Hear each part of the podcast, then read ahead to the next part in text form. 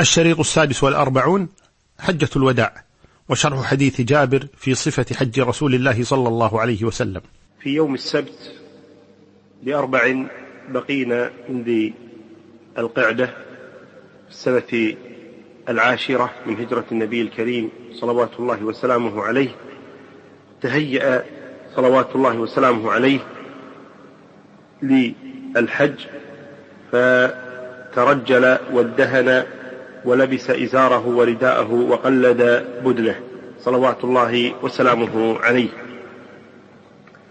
وهذه حجة النبي صلوات الله وسلامه عليه يرويها لنا جابر بن عبد الله رضي الله عنه وأرضاه يقول بعد أن سأله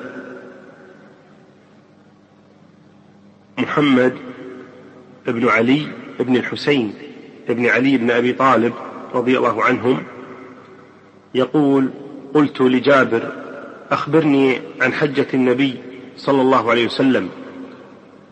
فقال بيده فعقد تسعا.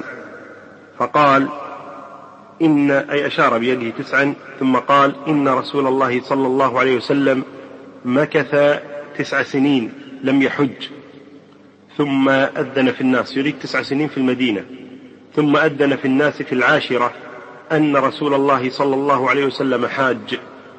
فقدم المدينة بشر كثير كلهم يلتمس أن يأتم برسول الله صلى الله عليه وسلم ويعمل مثل عمله.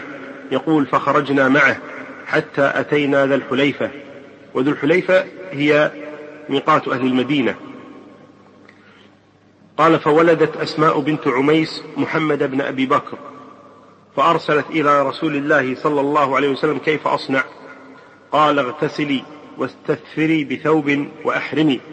وهذه السنة بالنسبة للحائض والنفساء أنها إذا جاءها الحيض أو النفاس قبل إحرامها فإنها تحرم وتغتسل للإحرام وتلبي ولكنها لا تطوف في البيت. فقال لها اغتسلي واستثفري بثوب وأحرمي. يقول فصلى رسول الله صلى الله عليه وسلم في المسجد ثم ركب القصواء أي ناقته حتى إذا استوت به ناقته على البيداء بيداء مكان قريب من ذو الحليفة. نظرت إلى مد بصري بين يديه من راكب وماش وعن يمينه مثل ذلك وعن يساره مثل ذلك ومن خلفه مثل ذلك أي أن الناس كثر الذين حجوا مع النبي صلى الله عليه وسلم قال ورسول الله صلى الله عليه وسلم بين أظهرنا وعليه ينزل القرآن وهو يعرف تأويله وما عمل به من شيء عملنا به. قال فأهل بالتوحيد. لبيك اللهم لبيك. لبيك لا شريك لك لبيك. إن الحمد والنعمة لك والملك لا شريك لك. قال وأهل الناس بهذا الذي يهلون به. فلم يرد رسول الله صلى الله عليه وسلم شيئا منه. يعني أن الناس منهم من يلبي كتلبية رسول الله صلى الله عليه وسلم ومنهم من يلبي غير تلبيته كقول بعضهم لبيك وسعديك والخير كله في يديك وقول بعضهم لبيك حقا حقا تعبدا ورقا وبعضهم يكبر وبعضهم يحمد وبعضهم يهلل وهكذا. قال ولزم رسول الله صلى الله عليه وسلم تلبيته. قال جابر لسنا ننوي إلا الحج لسنا نعرف العمرة أي مع الحج. حتى إذا أتينا البيت معه استلم الركن الركن اللي هو الحجر الأسود فرمل ثلاثا ومشى أربعا. الرمل هو المشي السريع قريب من الجري. يقول ومشى أربعا ثم نفذ إلى مقام إبراهيم عليه السلام فقرأ واتخذوا من مقام إبراهيم مصلى فجعل المقام بينه وبين البيت.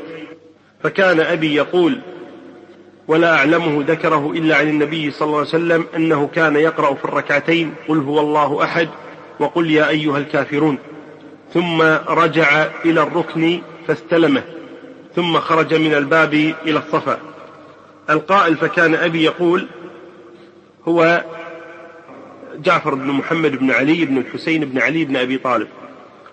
يقول ثم رجع إلى الركن فاستلمه إلى الحجر الأسود بعد, بعد انتهائه من الطواف وصلاة ركعتين. ثم خرج من الباب إلى الصفا فلما دنا من الصفا قرأ إن الصفا والمروة من شعائر الله. الآية ثم قال أبدأ بما بدأ الله به.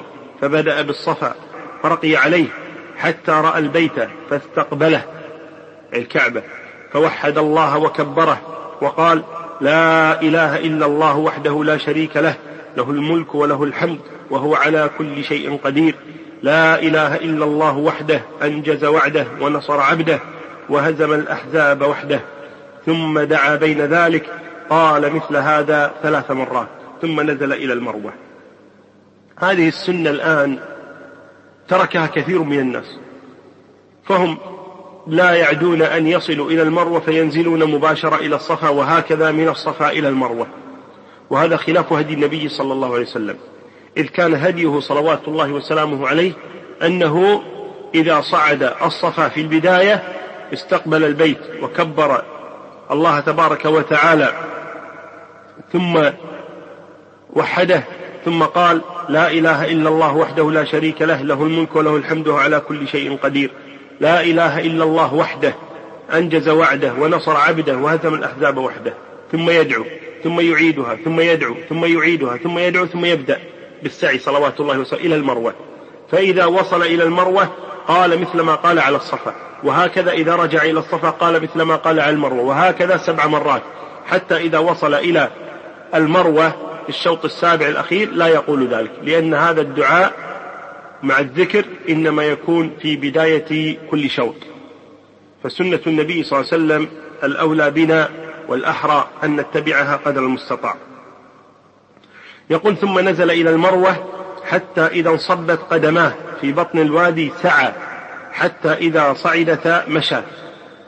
الوادي اللي هو الآن بين العلمين اللي هو يجري فيه الرجال يسعون سعيا حثيثا أي جيدا وهذا خاص بالرجال دون النساء والرمل كذلك خاص بالرجال دون النساء. يقول حتى أتى على المروة ففعل على المروة كما فعل على الصفا. حتى إذا كان آخر طوافه على المروة قال لو أني استقبلت من أمري ما استدبرت لم أسق الهدي وجعلتها عمرة. فمن كان منكم ليس معه هدي فليحل وليجعلها عمرة. الحج ثلاثة أنواع. إما أن يحج مفردا أو قارنا أو متمتعا. المفرد هو الذي يفرد الحج وحده والقارن هو الذي يقرن الحج بالعمرة يعني مع بعض عمرة وحج. والمتمتع هو الذي يعتمر ثم يتحلل ثم يحج بعد ذلك أي يأتي بعمرة في أشهر الحج. والظاهر الصحيح من أقوال أهل العلم أن النبي صلى الله عليه وسلم حج قارنا. وقال لو استقبلت من أمري ما استدبرت لجعلتها عمرة أي لجعلتها تمتعا ولكنه ساق الهدي معه صلوات الله وسلامه عليه. ومن ساق الهدي فإنه لا يجوز له أن يتحلل من إحرامه حتى يتم الحج. واختلف أهل العلم في أيها أفضل الإفراد أو القران أو التمتع. وجمع شيخ الإسلام تيمية جمعا لطيفا طيبا بين هذه الأقوال فقال لكلها فضل فمن اعتمر في أشهر الحج ثم رجع إلى بلده فالأفضل له أن يفرد الحج ومن ساق الهدي فالأفضل له أن يحج قارنا كفعل النبي صلى الله عليه وسلم. ومن لم يسق الهدي فالأفضل له أن يحج متمتعا كما أمر النبي صلى الله عليه وسلم أصحابه أن يفعلوا ذلك وكما قال لو استقبلت من أمري ما استدبرت لم أسق الهدي ولجعلتها عمرة. فقام سراقة بن مالك بن جعشم فقال يا رسول ألعامنا هذا أم للأبد؟ يعني العمرة مع الحج. فشبك رسول الله صلى الله عليه وسلم أصابعه واحدة في الأخرى وقال دخلت العمرة في الحج مرتين. أي قالها مرتين. لا بل لأبد الأبد. وقدم علي من اليمن ببدن النبي صلى الله عليه وسلم. علي كان في اليمن لما خرج النبي صلى الله عليه وسلم من المدينة إلى مكة شرفها الله. وأمر عليا أن يأتيه في مكة إذا أراد الحج صلوات الله وسلامه عليه. فوجد علي فاطمة رضي الله عنها ممن حل. أي أدت العمرة وتحللت. ولبست ثيابا صبيغا واكتحلت فأنكر ذلك عليها. فقالت إن أبي أمرني بهذا. قال فكان علي يقول بالعراق أي بعد ذلك أيام خلافته فذهبت يعني في العراق يقص هذه القصة القصة. يقول فذهبت إلى رسول الله صلى الله عليه وسلم محرشا على فاطمة. يعني كيف تفعل هذا؟ للذي صنعت. مستفتيا لرسول الله صلى الله عليه وسلم فيما ذكرت عنه. قال فأخبرته أني أنكرت ذلك عليها. فقال صدقت صدقت. ماذا قلت حين فرضت الحج؟ قال قلت اللهم إني أهل بما أهل به رسولك. وهذه جائزة. يعني يجوز الإنسان أن يعين النسك وهذه السنة أن يعين نسكه يقول لبيك اللهم حجا. هذا الإفراد. لبيك اللهم حجا وعمرة. وهذا القران. لبيك اللهم عمرة أو لبيك اللهم عمرة متمتعا بها إلى الحج وهذا التمتع. هذه السنة الإنسان يحدد النسك الذي يريده وليس هذه النية وإنما هذه تحديد النسك تسمية النسك. وليس هذا من باب الجهر في النية لأن النية محلها القلب في جميع الأعمال حتى الحج. علي ما حدد النسك. بل قال أهللت بما أهل به رسول الله صلى الله عليه وسلم. هذا جائز. فلو خرج إنسان للحج ومعه جماعة سبقوه ولا يعرف ماذا نووا أو ماذا عينوا من النسك فإنه له أن يفعل كما فعل علي رضي الله عنه وأرضاه. فقال له النبي صلى الله عليه وسلم فإن معي الهدي فلا تحل. أنا قارن اجعلها قرانا. قال علي فكان جماعة يقول جابر فكان جماعة الهدي. الذي قدم به علي من اليمن والذي أتى به النبي صلى الله عليه وسلم مئة. السنة أقل السنة أن يقدم الإنسان هديا عبارة عن شاة. فإن كانت ناقة فهذا أفضل.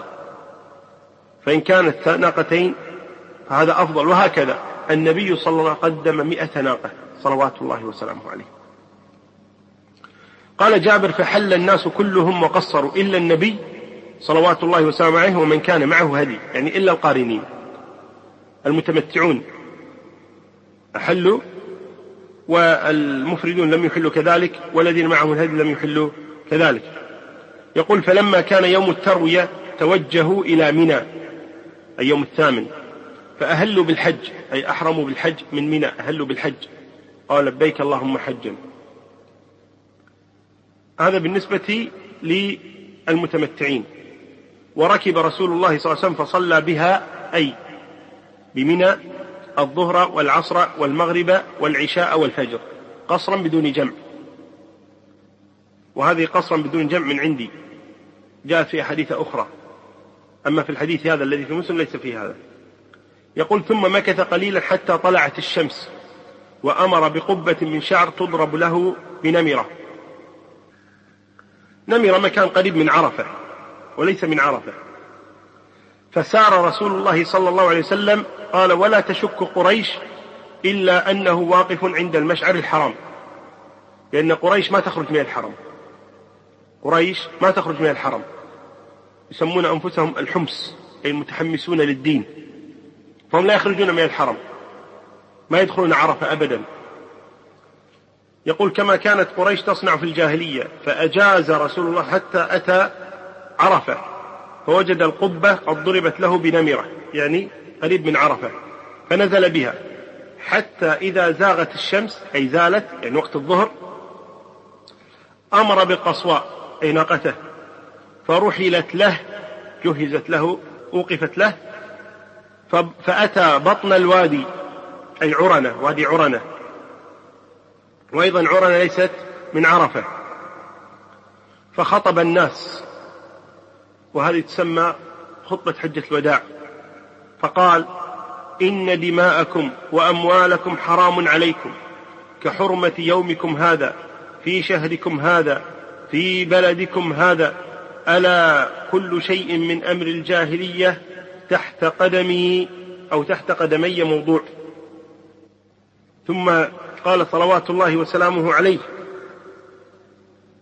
ودماء الجاهلية موضوعة وإن أول دم أضع من دمائنا دم ابن ربيعة ابن الحارث وكان مسترضعا في بني سعد فقتلته هذيل النبي صلى الله عليه وسلم يقرر هنا القواعد العامة. يقول أمور الجاهلية انتهت. دماء الجاهلية انتهت. هدر. وأول دم أضعه دم ابن عمي وهو رب ابن ربيعة بن الحارث بن عبد المطلب. بدأ بنفسه صلوات الله وسلامه عليه. ثم قال ورب الجاهلية موضوع أي هدر. وأول ربا أضع ربانا ربا عباس بن عبد المطلب. فإنه موضوع كله. فاتقوا الله في النساء فإنكم أخذتموهن بأمان الله. واستحللتم فروجهن بكلمة الله أي لا إله إلا الله محمد رسول الله بالإسلام. ولكم عليهن ألا يوطئن فرشكم أحدا تكرهونه أي بيوتكم لا يدخلن عليكم في البيوت أحدا تكرهونه. فإن فعلن ذلك فاضربوهن أي إن عصينكم في هذا أو غيره.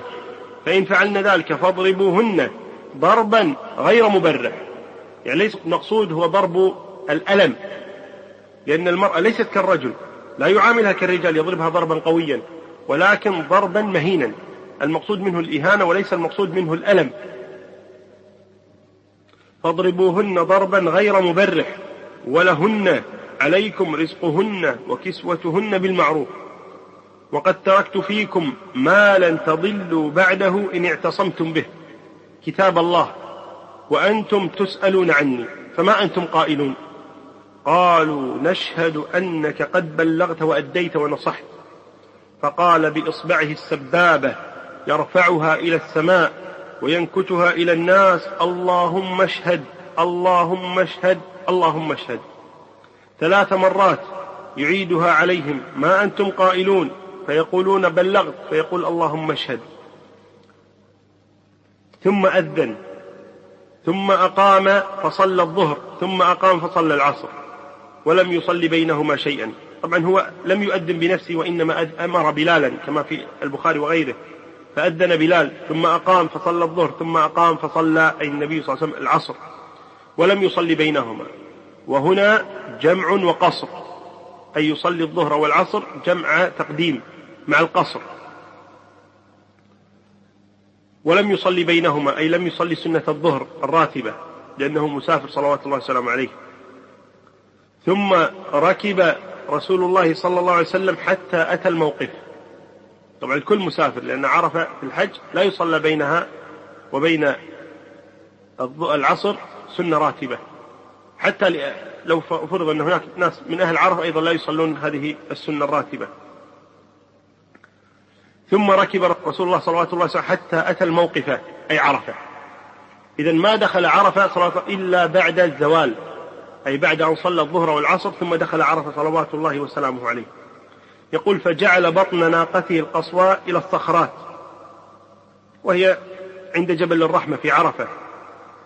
وجعل حبل المشاة بين يديه. حبل المشاة قالوا هم مجتمعهم بين يديه واستقبل القبلة. فلم يزل واقفا حتى غربت الشمس أي وهو يدعو صلوات الله وسلامه عليه. وذهبت الصفرة قليلا حتى غاب القرص أي سقط قرص الشمس ولا يرى. وأردف أسامة خلفه أي في الطريق إلى مزدلفة صلوات الله وسلامه عليه. وقد شنق للقصواء الزمام أي أمسك به صلوات الله وسلامه. حتى إن رأسها ليصيب مورك رحله ويقول بيده اليمنى أيها الناس السكينة السكينة.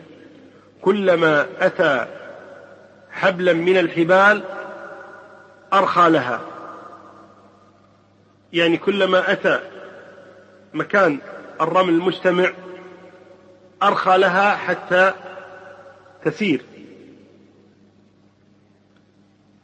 فالحبل هو المجتمع مجتمع الناس أو مجتمع الرمل أو ما أشابه ذلك. يقول كلما أتى حبلا من الحبال أرخى لها قليلا حتى تصعد حتى أتى المزدلفة صلوات الله وسلامه عليه. فصلى بها أي في المزدلفة المغرب والعشاء بأذان واحد وإقامتين وصلاها صلاة جمع تأخير صلوات الله وسلامه عليه. ولم يسبح بينهما شيئا أي لم يصلي النوافل. ثم اضطجع رسول الله صلى الله عليه وسلم حتى طلع الفجر.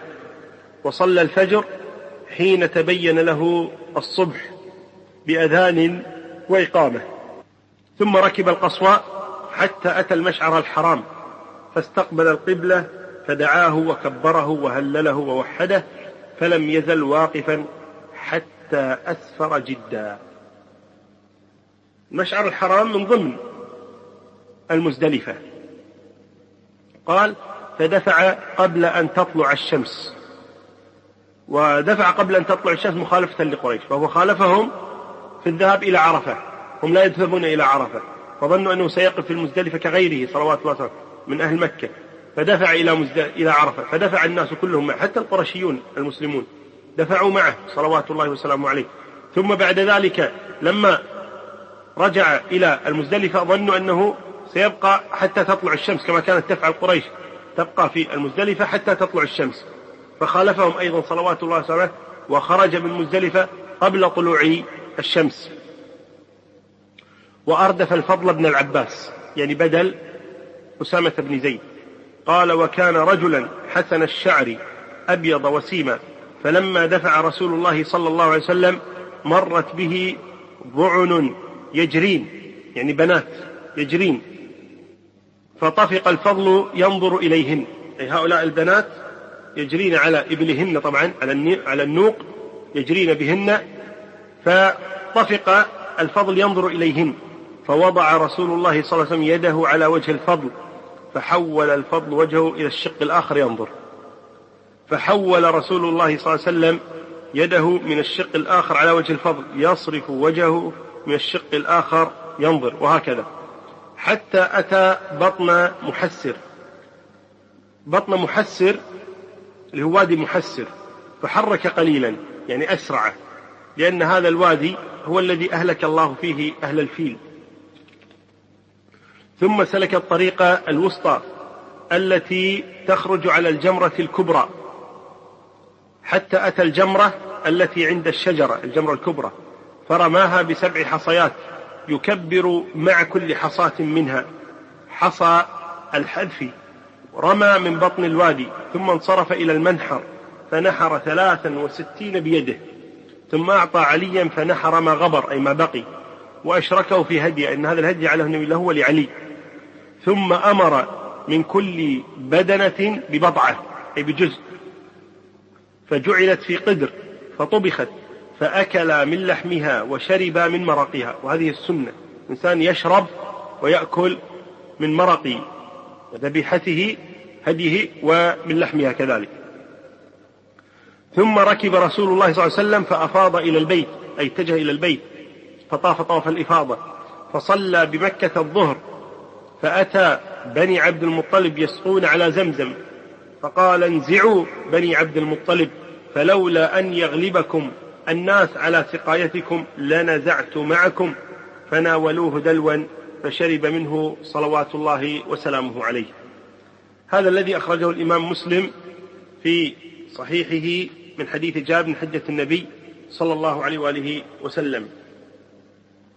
ثم بعد ذلك خطب النبي صلى الله عليه وسلم يوم النحر أي يوم العاشر حين ارتفع الضحى وهو على بغلة شهباء والناس بين قائم وقاعد فتكلم بما تكلم به بالأمس قال أبو بكر خطبنا النبي صلى الله عليه وسلم يوم النحر فقال إن الزمان قد استدار كهيئته يوم خلق الله السماوات والأرض السنة اثنا عشر شهرا منها أربعة حرم ثلاث متواليات ذو القعدة وذو الحجة والمحرم ورجب مضر الذي بين جمادى وشعبان وقال أي شهر هذا؟ قلنا الله ورسوله أعلم فسكت حتى ظننا أنه سيسميه بغير اسمه. فقال أليس ذا الحجة؟ قلنا بلى. قال أي بلد هذا؟ قلنا الله ورسوله أعلم. فسكت حتى ظننا أنه سيسميه بغير اسمه. فقال أليست البلدة؟ يعني مكة. قلنا بلى. فأي يوم هذا؟ قلنا الله ورسوله أعلم. فسكت حتى ظننا أنه سيسميه بغير اسمه. قال أليس يوم النحر؟ قلنا بلى. قال فإن دماءكم وأموالكم وأعراضكم عليكم حرام كحرمة يومكم هذا في بلدكم هذا في شهركم هذا وستلقون ربكم فيسألكم عن أعمالكم. ألا فلا ترجعوا بعدي ضلالا يضرب بعضكم رقاب بعض. ألا هل بلغت؟ قالوا نعم. قال اللهم اشهد. فليبلغ الشاهد الغائب فرب مبلغ أوعى من سامع. وفي رواية قال ألا لا يجني جان إلا على نفسه ألا لا يجني جان على ولده ولا مولود على والده ألا إن الشيطان قد يئس أن يعبد في بلدكم هذا ولكن ستكون له طاعة فيما تحقرون من أعمالكم فسيرضى به. وأقام صلوات الله وسلامه عليه. أيام التشريق بمنى يؤدي المناسك ويعلم الشرائع ويذكر الله ويقيم سنن الهدى من ملة إبراهيم صلوات الله وسلامه عليه. ويمحو آثار الشرك ومعالمها. وقد خطب في بعض أيام التشريق أيضا كما روى أبو داود عن سراء بنت نبهان قالت خطبنا رسول الله صلى الله عليه وسلم يوم الرؤوس. فقال أليس هذا أوسط أيام التشريق؟ وكانت خطبته في هذا اليوم مثل خطبة يوم النحر ووقعت هذه الخطبة عقب نزول سورة النصر وهي قول الله تبارك وتعالى أعوذ بالله من الشيطان الرجيم بسم الله الرحمن الرحيم. إذا جاء نصر الله والفتح ورأيت الناس يدخلون في دين الله أفواجا. فسبح بحمد ربك واستغفره إنه كان توابا. نزلت عليه هذه السورة في ذلك المكان صلوات الله وسلامه عليه. وفي يوم النفر أي الثالث عشر من ذي الحجة نفر صلوات الله وسلامه عليه من منى فنزل بخيف بني كنانة من الأبطح وأقام هناك بقية يومه وليلته وصلى الظهر والعصر والمغرب والعشاء ونام ثم ركب إلى البيت فطاف به طواف الوداع وكان قد أمر به أصحابه رضي الله عنهم وأرضاهم. ولما قضى مناسكه حث الركاب إلى المدينة المطهرة ليستأنف صلوات الله وسلامه عليه بقية حياته